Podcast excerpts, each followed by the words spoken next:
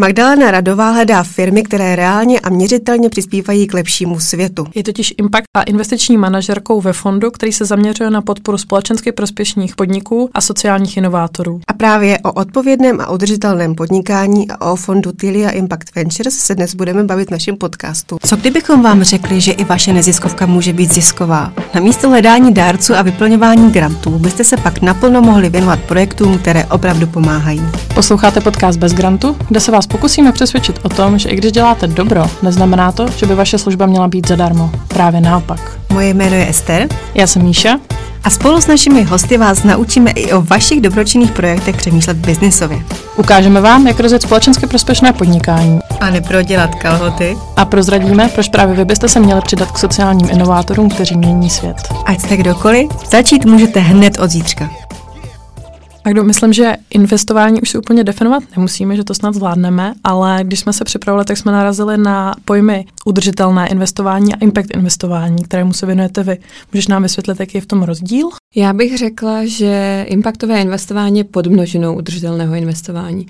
A když se na to podíváme eh, na nějaké škále, tak eh, impactové investování vlastně propojuje světy tradičního investování a tradiční filantropie a je někdy mezi nimi. Impactové investování je vlastně investování s přesahem sociálním nebo environmentálním, s nějakým společenským přínosem pro společnost.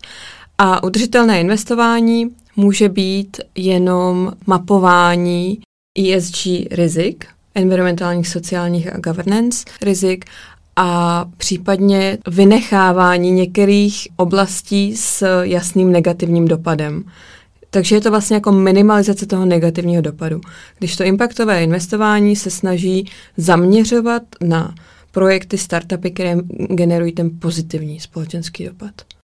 Investiční fond Tilia Impact Ventures vznikl jako první vlaštovka udržitelného investování v Česku. Prozradíš nám, co stálo za tím nápadem jít touhle cestou? Před deseti lety v Česku vznikaly, začaly vznikat první um, inkubátory a akcelerátory se zaměřením na sociální podniky nebo společensky prospěšné podniky a uh, zhruba v roce 2015 se vlastně začala objevovat potřeba pro další schod, další stupeň té podpory pro tyhle ty sociální inovátory.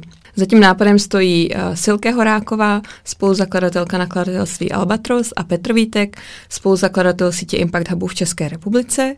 A ti vlastně společně přišli za některými uh, zásadními investory uh, v Česku, filantropy i um, nadacemi a společně se zasadili o vznik Tilia Impact Ventures jako prvního impactového investičního fondu v Česku. A to je jak dlouho? Tři roky? A to založení Tilie bylo v roce 2018. Dneska v podstatě slavíme tři roky od založení. A ty už jsi zmínila kritéria ESG. Řídíte se jimi i vy? Nebo můžeš tuhle tu formu mm, investování popsat detailněji? Já bych řekla, že je taky používáme. Vlastně značí to nějaké oblasti, na které se dívat při posuzování investic. Je to spíš takové jako mapování. Takže to je výchozí bod a používají to i fondy, které se zabývají udržitelným investováním. Co my v Týlii děláme a co je specifické pro impaktové investování je, že nás zajímá záměrnost toho dopadu, to je jedna věc. A druhá věc je měření, nebo dneska už řízení toho dopadu, uh, impact management, kde se vlastně zabýváme uh, tím dopadem v celém investičním procesu ať už uh, dopadem na sociální nebo ty environmentální aspekty. Ale jdeme v tom vlastně mnohem hloubš, než jenom nějaká ESG analýza. A ten uh, dopad je tím hlavním rozdílem mezi klasickým a impact investováním? Je to tak. Klasické investování vlastně se dívá na investování z hlediska dvou dimenzí, a to je finanční návratnost a riziko.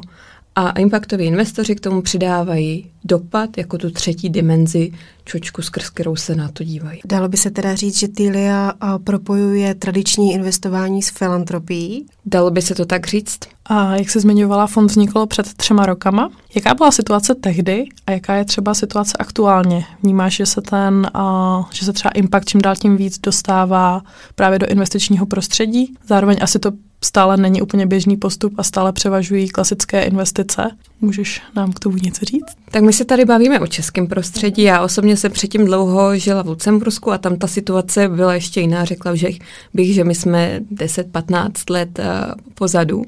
Ale když porovnám tu situaci před třemi lety, kdy já jsem se vlastně stěhovala kvůli Tilly do Česka, tak eh, to byl jako velmi ekosystém pořád v brzkém stádiu.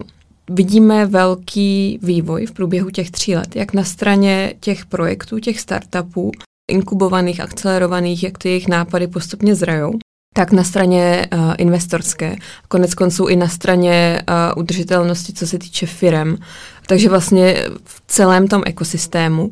Součástí naší vize a naší teorie změny jako Týlie je uh, nejen jako investovat uh, do těchto těch společensky prospěšných projektů, ale zároveň přispívat k osvětě v tomhle tématu, sloužit jako nějaký vzor, přispět k tomu, aby tady vznikly další investoři a vlastně další kapitál, který se nedívá jenom na, na tu finanční stránku, na tu biznesovou, ale i na tu dopadovou. A můžeme říct, že v posledním, zejména v posledním roce, tady vzniklo uh, hodně fondů, který mají nějaký impactový apetit. A můžu se jenom zeptat, jaké procento operací na investičním trhu spadá do kategorie impact investování? Na celém uh, investičním trhu bych pořád řekla, že to je něco kolem jednoho procenta. Máš na mysli v Česku i v zahraničí? Statistiky pro Česky nemám, ale uh, globálně je to zhruba 1%. Uh, udržitelné investování, myslím, že to je globálně kolem 40%. A takže můžeme říct, že Týlia spolupracuje výhradně s projekty, které uh, chtějí měřit svůj dopad nemáte žádné komerční vyloženě projekty. Je to tak? Je to jedno z našich kritérií a to hlavní vlastně na ten dopad my se díváme v první řadě. A zároveň ten dopad musí jít ruku v ruce s udržitelným business modelem. A je to hlavně proto, že když ty dvě složky jsou vlastně integrované, tak čím víc ten, ten projekt škáluje biznesově, tím větší je i ten dopad na tu společnost.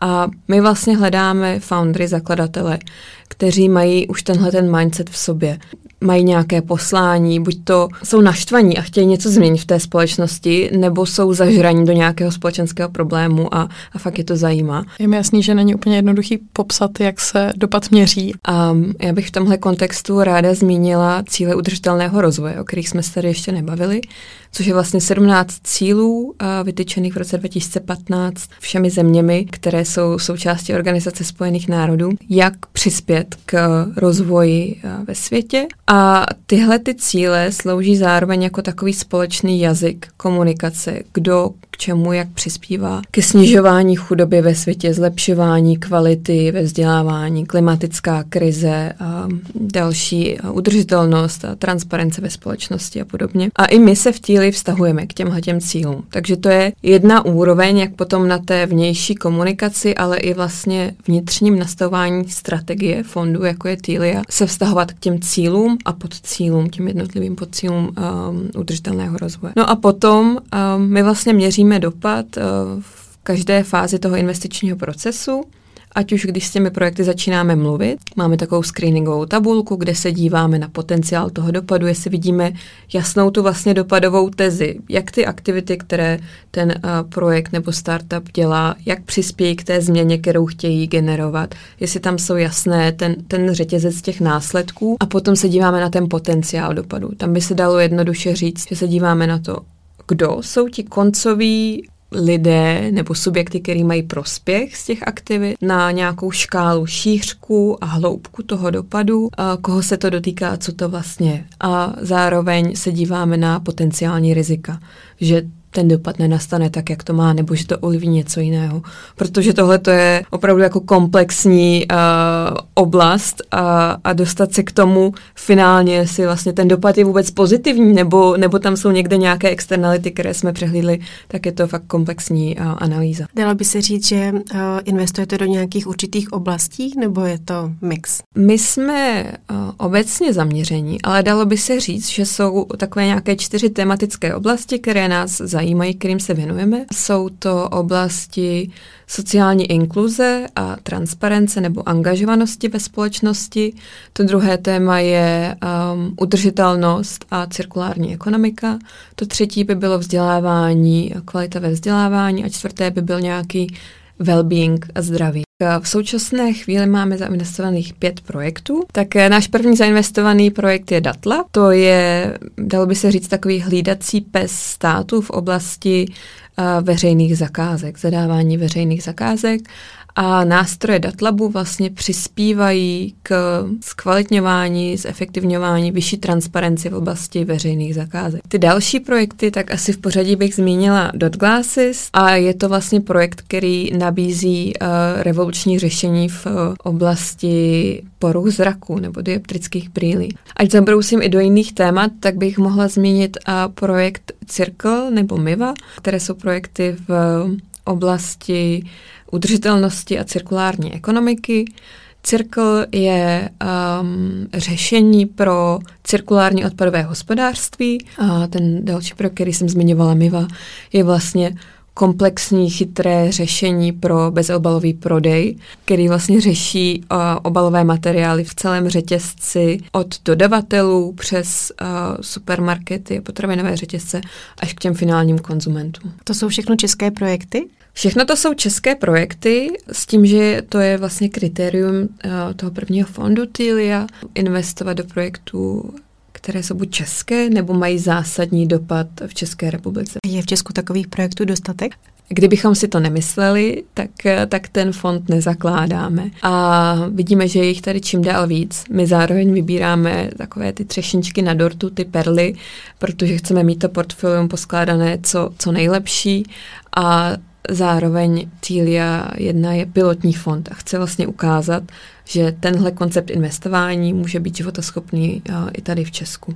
Takže těch, těch projektů je tady čím dál víc. To ale malý píseček, takže v budoucnosti se určitě plánujeme dívat šířeji vlastně v oblasti celé střední Evropy a, a ještě dalších zemí. A kdo, v jaké fázi jsou projekty, které vás nejčastěji oslovují? Často s těmihle eh, dopadovými inovátory eh, mluvíme už v brzkých stádiích, kdy mají nápad nebo teprve testují produkt a rádi jim už v téhle fázi nějak eh, radíme.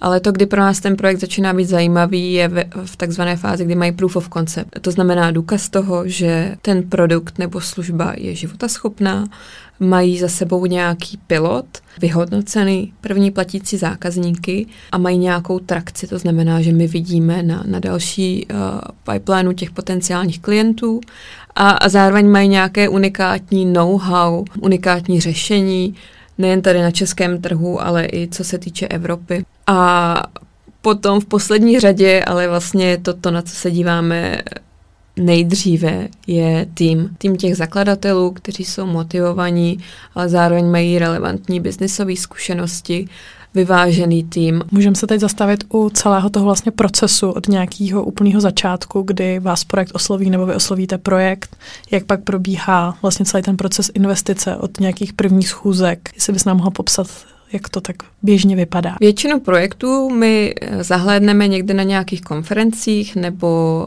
uh, těch prezentacích akcelerátorských programů.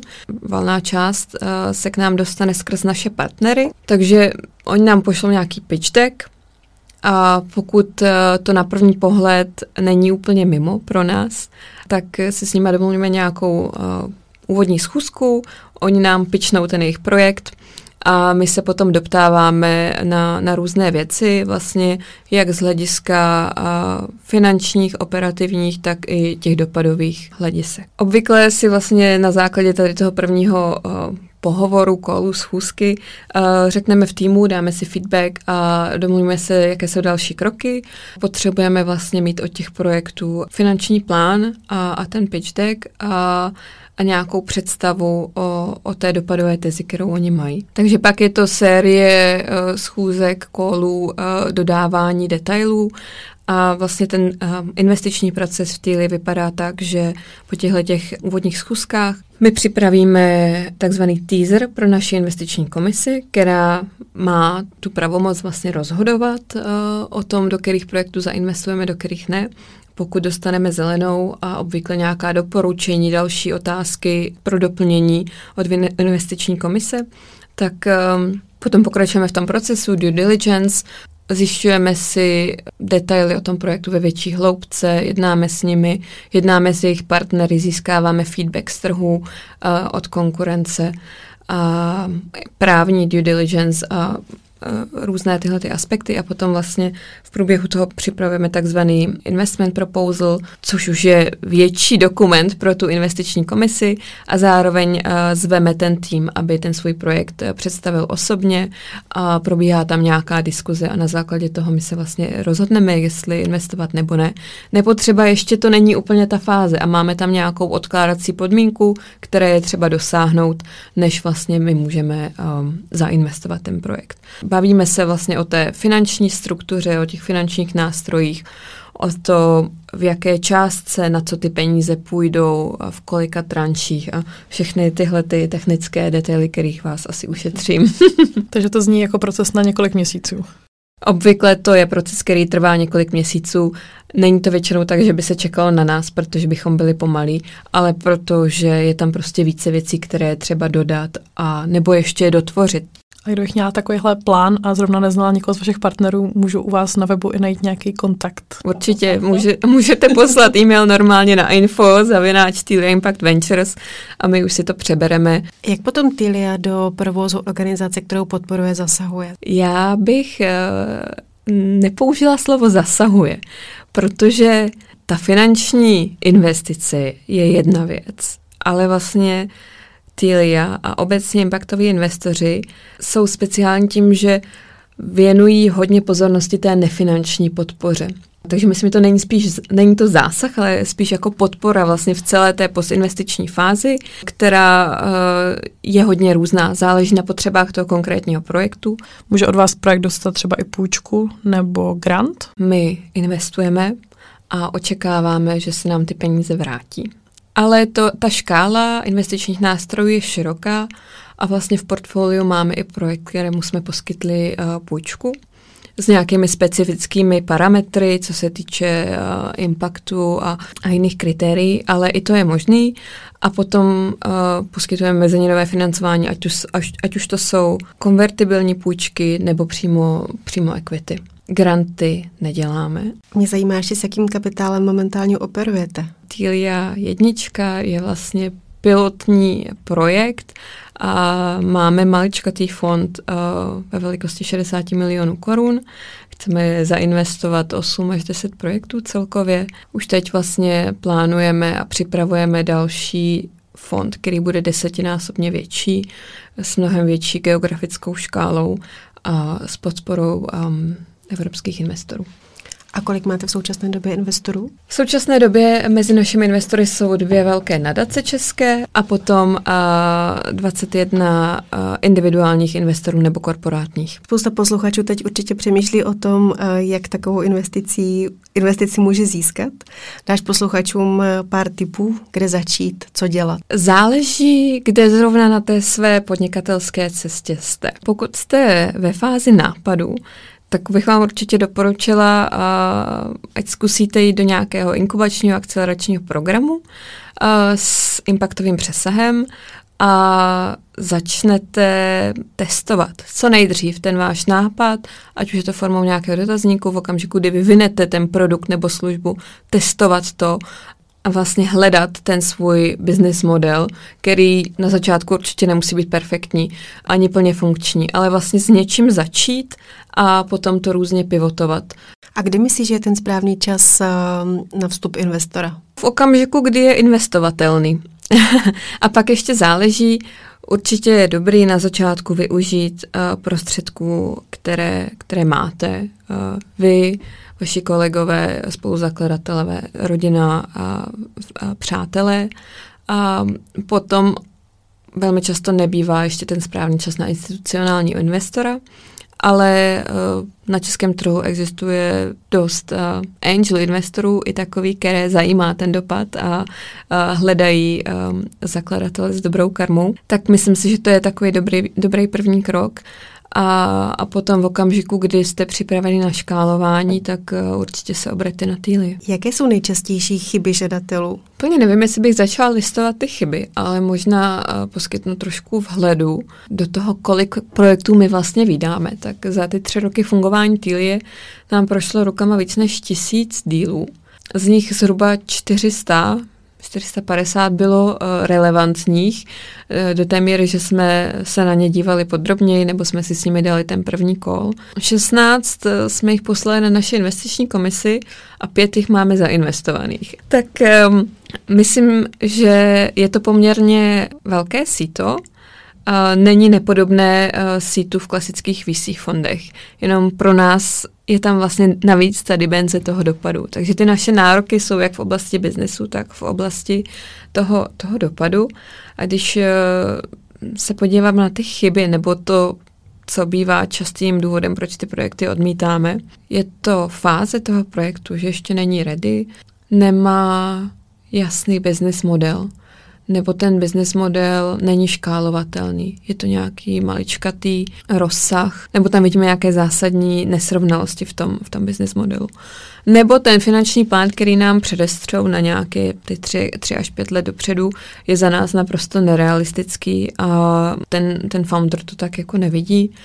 A nebo velmi často zjistíme, že tam vlastně není záměr uh, konání toho dobra, uh, toho, toho dopadu. Eh, že je to jenom nějaký jako vedlejší produkt, uh, takzvaný nice to have. A když do toho rýpeme hlouběji, tak vlastně tam vidíme uh, potenciálně velká rizika toho, že ten projekt se bude ubírat úplně jiným směrem, než my bychom uh, rádi. My máme na tebe už jenom závěrečnou otázku, kterou pokládáme všem našim hostům a to je, kdybys měla dát jednu radu začínajícím sociálním podnikatelům, jaká by to byla? Nebát se jít za svým snem, ale nebát se jít za ním společně to, že to člověk nemusí všechno udělat sám, ale opravdu využít té podpory, která i tady na českém trhu je, podpory mentorů, a ptát se a získávat ten feedback a jít za tím snem, ale jít za něm tak, aby to i pro toho samotného zakladatele bylo udržitelný. To znamená hledat ty biznisové příležitosti. Já věřím tomu, že udržitelnost a impact je eh, jedna z největších příležitostí v dnešní době, biznisových příležitostí a že se to dá dělat uh, udržitelně. Moc ti děkujeme za návštěvu. Děkujeme, ahoj. Poslouchali jste podcast Bez grantu, kam zveme lektory a mentory akcelerátoru 321 dílna, který pořádá nadace Lilie a Karla Janečkových. Zapojit se můžete i vy na www.321dílna.cz. Ahoj!